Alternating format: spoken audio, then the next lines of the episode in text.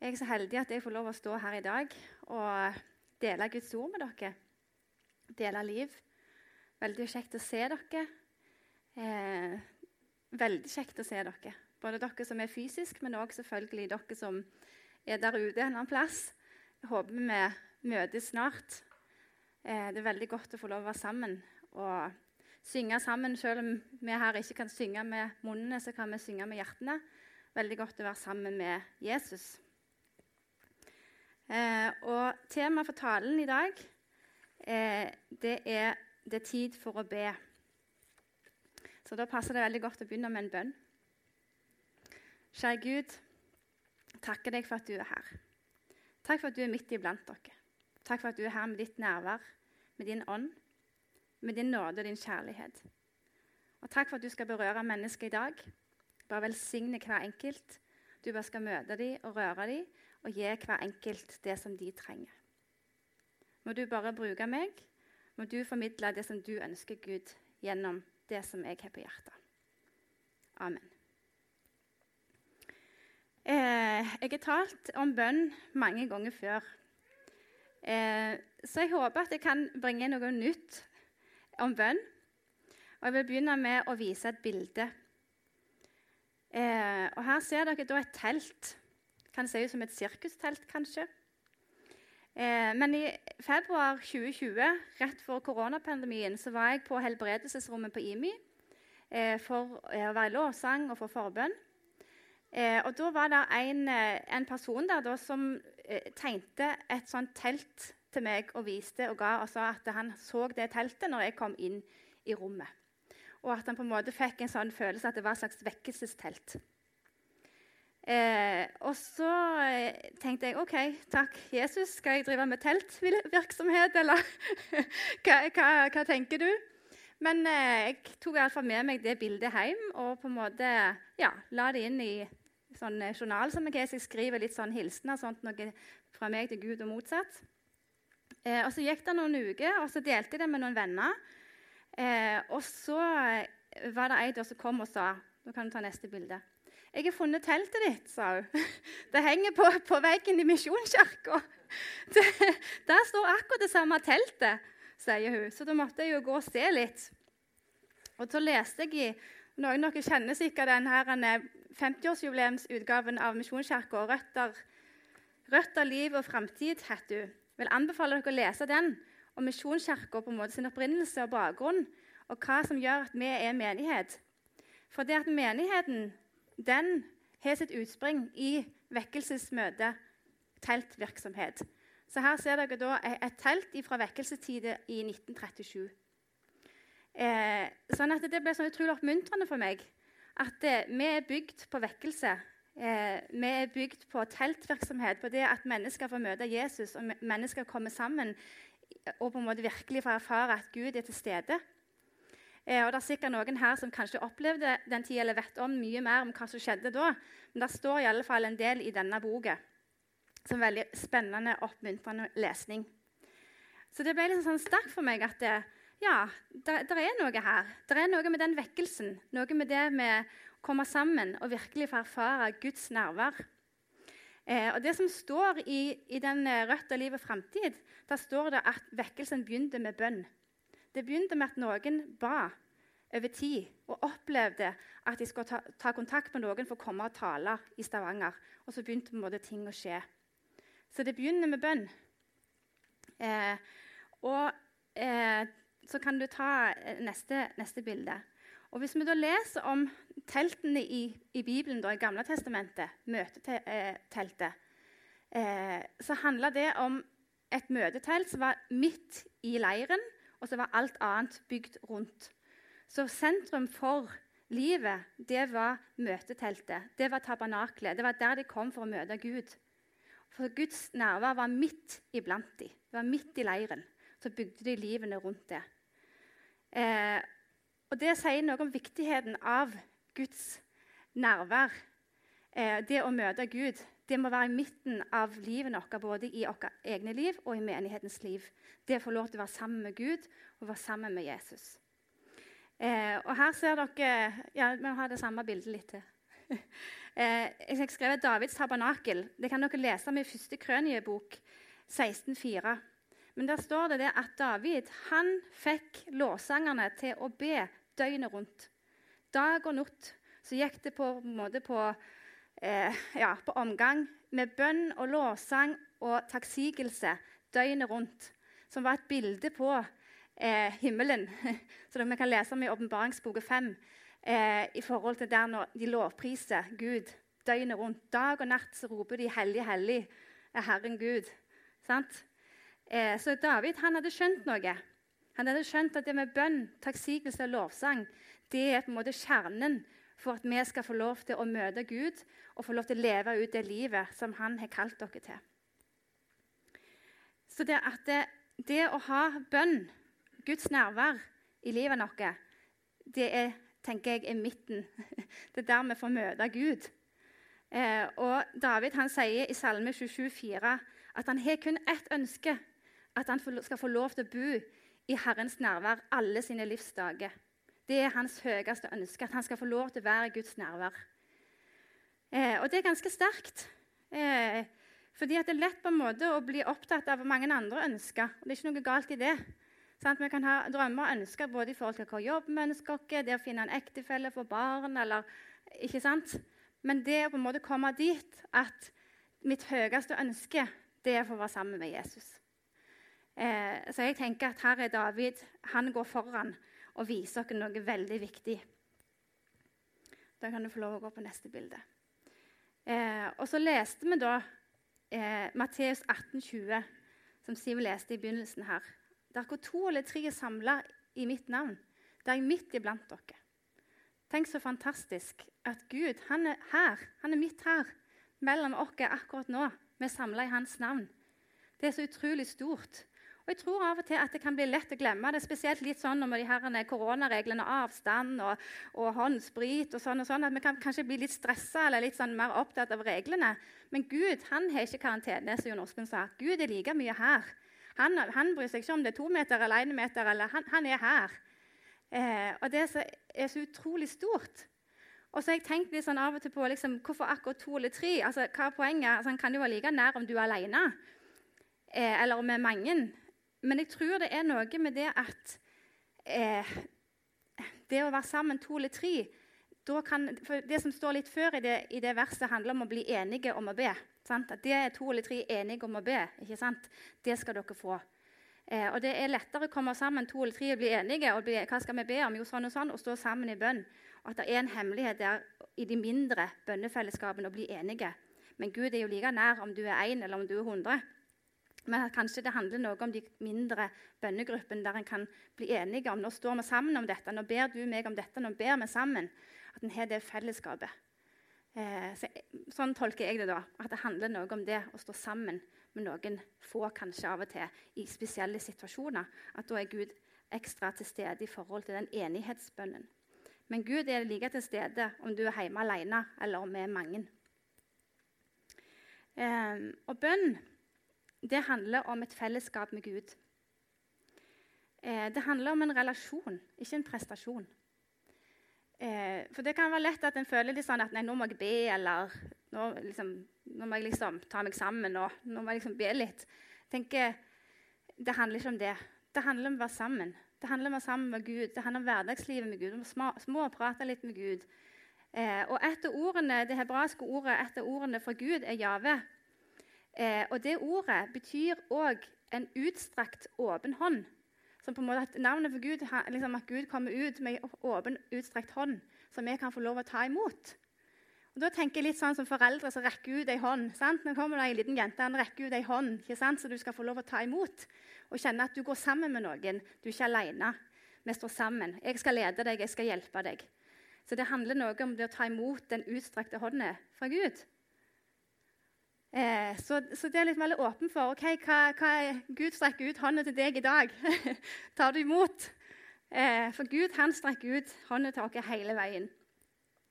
Og Det å be handler mer om en måte å leve på i hverdagen og vite at Gud er der. Han er med sin utstrekte hånd. Så tar jeg den i dag. Takk, Jesus. Jeg kjenner det. Takk, Jesus.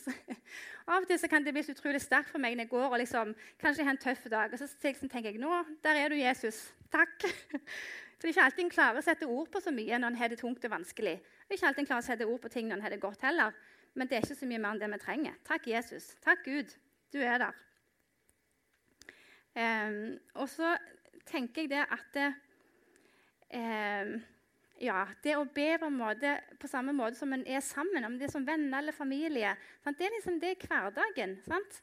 Selvfølgelig er det noe vi må prioritere, og noe som er viktig, sånn, men, men, det er liksom noe som skjer i de små øyeblikkene like mye som i de store. Um, men det er noe som vi må prioritere. Da kan du ta neste. Og så har jeg tatt, valgt å ta med et vers som kan være ganske utfordrende. Og Det står i Lukas 19, 45-46. Og Der står det at 'mitt hus skal være et bønnens hus', men dere har gjort det til ei røverhule. Og Det syns jeg er ganske utfordrende. Gjelder det oss? Har vi gjort menigheten til ei røverhule, eller har vi gjort det til et bønnens hus? For Det sier Jesus ganske sterkt. 'Mitt hus skal være et bønnens hus'. Hvor plass har bønnen i vår menighet? Eh, og det utfordrer meg ganske mye eh, i forhold til det med å, hva er viktig for Jesus. Jo, det er bønn. Og For tre-fire år siden husker jeg ikke eksakt, over Håkon Fagervik var i menigheten eh, og talte bl.a. over dette verset. Det var en sånn samling over flere dager som handla om bønn, men han hadde en sånn eh, sans i forhold til akkurat dette. Og Da sa han det at tjuvene de stjeler det mest verdifulle vi har. Og for menigheten så er det bønnen. Det er noe av det mest verdifulle vi har. Så vi må være litt obs som menighet at vi gir rom for bønnen. Både når vi kommer sammen sånn på gudstjeneste, men òg når vi møtes i små, større sammenheng, uformelt, om det er søndagsskole, aktivitet eller sånn, at vi gir rom for bønnen.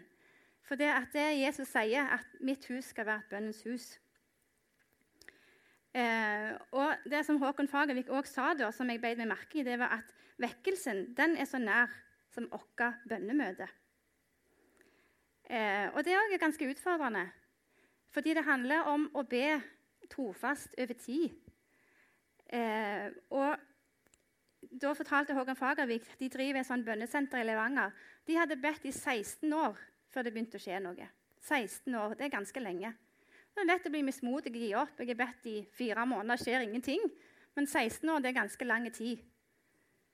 Eh, og det samme dere sikkert mange kjenner hun Kina-misjonæren Marie Monsen eh, som var i Kina i vekkelsen. Eh, hun var i Kina fra 1901 til, 19, 1901 til 1932. Eh, og hun ba i 20 år før de så vekkelsen. 20 år. Det er ganske lenge. Så jeg tror det er noe med vår samtidig, at vi er vant med ting som skjer fort og kjapt, og liksom takeaway og liksom mikrobølgeovn og Men akkurat bønn det kan være ganske hardt å stå i over lang tid. Og nettopp Derfor tror jeg også det med, det med hvor to eller tre er samla. Vi må stå sammen, to eller tre, oppmuntre hverandre. Stå sammen og bli enige og be. Og så må vi kanskje tenke at det, kanskje dette krever noe. Selvfølgelig kan Gud virke på 1, 2, 3, men av og til så trengs det lang, langvarig bønn. Og Det er litt viktig å huske. Det kan være vi må forplikte oss på noe og være villige til å satse og gi inn i noe som krever litt. Så har vi nettopp feirt pinse. Og det som er så flott å lese om da, i Apostelgjerningen 1-2, eh, det er jo at eh, disiplene de hadde jo ti dagers langt bønnemøte etter at Jesus reiste opp til himmelen, før pinsen kom. Eh, og når da Den hellige kommer på pinsedagen, eh, så står Peter fram og forklarer det som skjer, til de andre. Eh, og så står det at 3000 mennesker tok imot. Og Det er jo helt fantastisk. Så vi ser at, det, at bønn er viktig, men det må òg være noen som står fram og forklarer hva som skjer. Noen som forteller de andre at nå skjer sånn og sånn, og dette har dere lest om sånn og sånn, og dette er helt naturlig sånn og sånn. Så det er viktig at det i, i forlengelse med bønnemøtet så kommer det òg noen som står fram og forklarer eh, og forteller om Jesus. Som evangeliserer, hvis vi skal bruke det ordet. Eh, og for noen år tilbake så hadde vi et bønnemøte som vi kalte for Plan B. Eh, og plan B det er, kan du si, her har jeg sett, har to bein å stå på. Det ene benet står for bønn, og én står for evangelisering. Eh, sånn at vi har liksom to bein her. Bønn, evangelisering. Og Det så vi også skjedde på pinsen. Det var et bønnemøte. Men så var det noen som sto fram og forklarte hva som skjedde, og evangeliserte, fortalte om Jesus og forklarte på en sånn måte at folk faktisk hadde lyst til å ta imot. Og Det står i Jakob 5, 16 at et rettferdig menneskes bønn er virksom og utretter mye. Det er jo fantastisk å tenke på. At ett menneskes bønn er virksom og utretter mye. Men bønn er liksom steg én, og så har vi på en måte steg to evangelisering. Um, og da, Før jeg går videre, så kan du vise neste vil jeg bare si noen sånne opp, oppmuntringsting som jeg har fått med meg nå som har skjedd i koronapandemien. For det første eh, så har du Liverpool-spiller Roberto Firmino. Han ble døpt i januar 2020. Tok imot Jesus og ble døpt. Tenk så fantastisk. Det ligger ute på YouTube. Alle kan se eh, hans dåp. Helt fantastisk. Vil anbefale dere å gå inn og se. Utrolig oppmuntrende. Eh, også her bare for noen uker siden eh, da var det eh, KBK-keeper Sean McDermott sto fram. De hadde vunnet en match, og så spør de liksom hvordan det går. Jo, takk, Jesus. Jeg er blitt frelst. Tok imot Jesus for en stund tilbake. Fikk livet mitt forandra. Og han er med meg i tykt og tynt. Fantastisk at folk står fram og forteller det når de blir intervjua av VG og TV 2 og NRK. Helt fantastisk. Og så prøv det du òg. Kom igjen, folkens. Ta imot Jesus. Eh, frimodige. Og det sier noe, så Han forteller han har slitt psykisk, og så har han sagt 'Jesus, jeg gidder ikke mer. Kom og hjelp meg.' sa det. Og så plutselig så hadde han full fred. Eh, så utrolig kjekt liksom, når man får litt sånne blikk av at folk tar imot Jesus. Det skjer ting. Eh, og det er sikkert mange som har fått med dere han, eh, presten Tor Håvik, som var med på Farmen. Som på en måte åpent viser hva han tror på, og leder folk til Jesus. Og det, det er dåp og gode greier i beste sendetid på TV eh, frimodige og vise hvem Jesus er. Sånne ting blir jeg utrolig oppmuntra av. Jeg tenkte, Takk, Jesus! det skjer noe. Eh, og Spesielt når en kanskje kan føle litt på at det skjer det noe. sant? Spesielt nå i koronapandemien. En føler seg litt sånn alene og ensom og ikke så mye kontakt med folk. Eh, men det skjer ting. Gud er virksom. Han virker nå. Eh, og så litt i forhold til hva er evangelisering. Jeg tok to eksempler her. Eh, for noen uker siden var det kollektinnsamling til eh, Young Life og ei som heter Linn Margrit Jansen Bru, som driver sånn ungdomsarbeid på Karmøy. Så Hun fortalte da i denne videoen at hun hadde sagt opp jobben som eh, politi og begynte å jobbe med heltid med ungdom. Følte at Gud kalte henne til det. Eh, og da, Det som hun jobber med, er å være sammen med ungdom ha kafé, fritidsaktiviteter, med på fotballtreninger. Bare leve livet sammen med ungdom. Og så kommer det med å på en måte dele livet, hverdagslivet. Være, vær der for hverandre eh, og vise hvem Jesus er. Og så er det flere som har tatt imot Jesus. Det er jo på en måte en måte å vise hvem Jesus er gjennom hverdagslivet med ungdom. For eh, og så leste jeg her om dagen om Marcus Rashford på Manchester United som hadde brukt på en måte Twitter tror jeg det var, til å på en måte legge press på myndighetene til å gi gratis skolemat til de sårbare barna.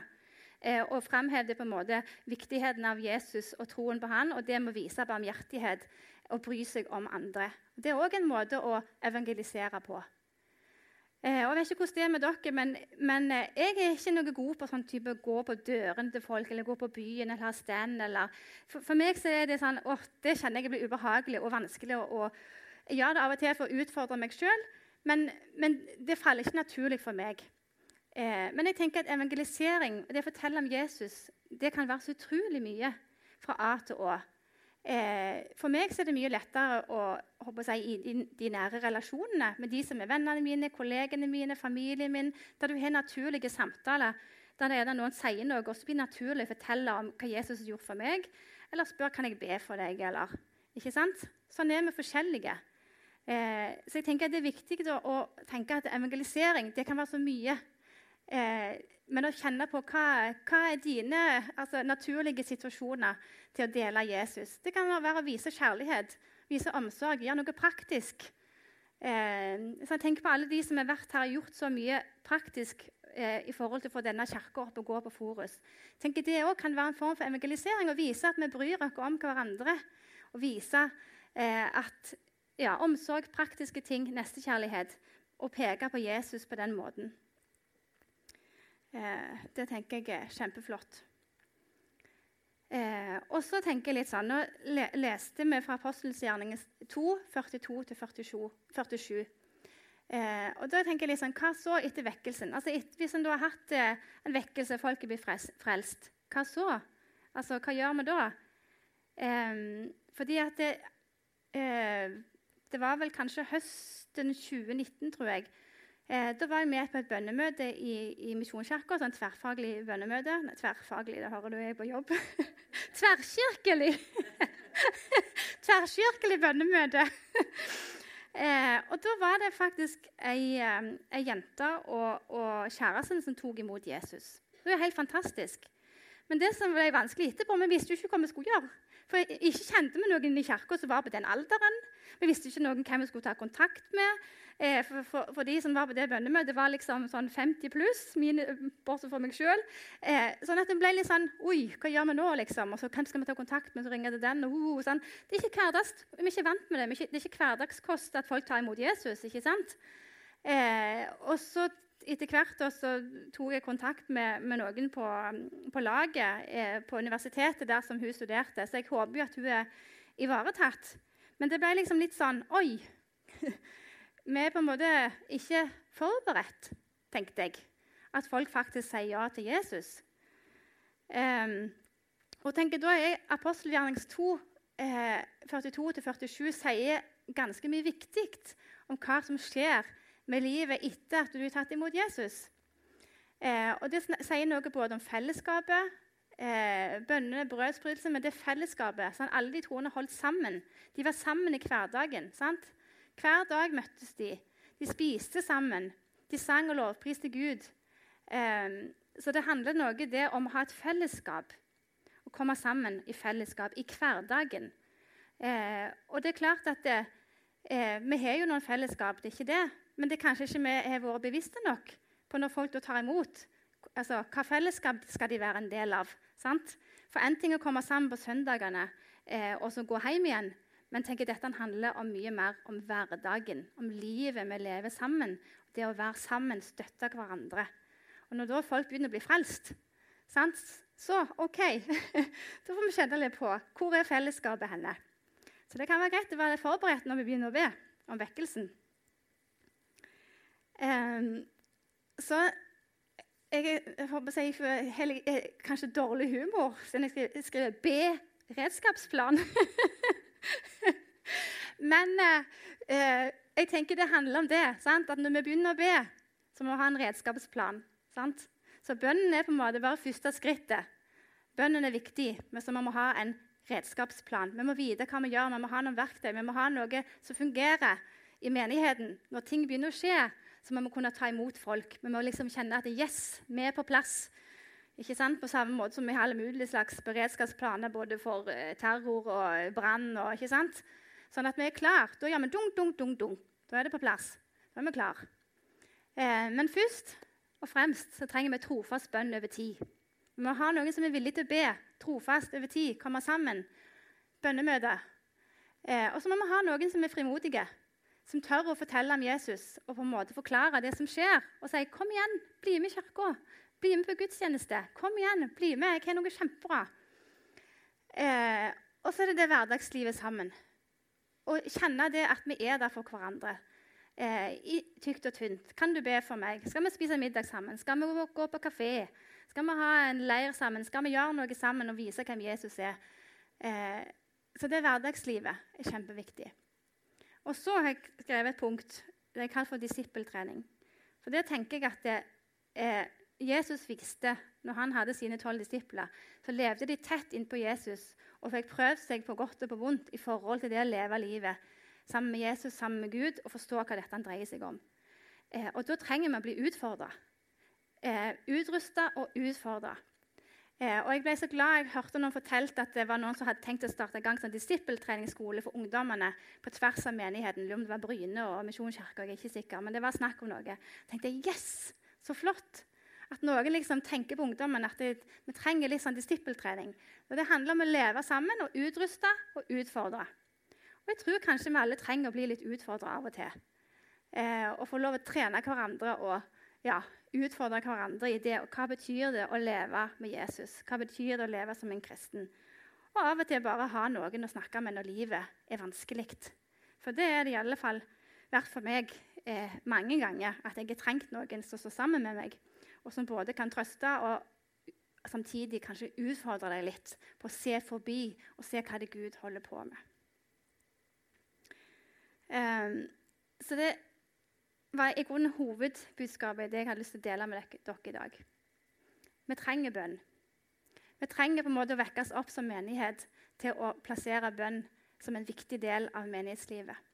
Og Vi trenger å være frimodige og hjelpe hverandre i hverdagen og leve sammen. Eh, så jeg bare ønsker virkelig å oppfordre og utfordre eh, både meg sjøl og dere til å ta noen nye skritt nå når koronakrisen er ferdig vi kommer sammen igjen og ting begynner å skje. At vi er klar. At vi er klar for vekkelsen. For det skjer ting der ute. Eh, og det kan like så godt skje her. Men da må vi være på.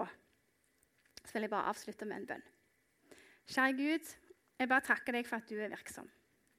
Jeg takker deg for at du virker i menneskers liv. Jeg takker deg, Herre Jesus Kristus, for at du virkelig ønsker å forandre menneskers liv. Du ønsker at folk skal bli frelst, og du ønsker at folk skal få vokse og vandre sammen med deg. Kjære Gud, jeg bare ber for Misjonskirka. Kjære Gud, vi er, vi er, basert på vekkelse, Herre. Vi er basert på bønn. Kjære Gud, jeg ber virkelig om at det teltet skal få lov til å reise seg iblant dere. At vi skal få ha deg i sentrum, deg i fokus, at du og ditt nærvær skal få lov til å berøre oss. At vi skal få lov til å nå mennesker, og at vi skal få se forvandlinger, Herre Jesus. Kjære Gud, må du gjøre oss klar, må du la oss få lov til å forberede. Og bare velsigne hver enkelt i Jesu navn. Amen.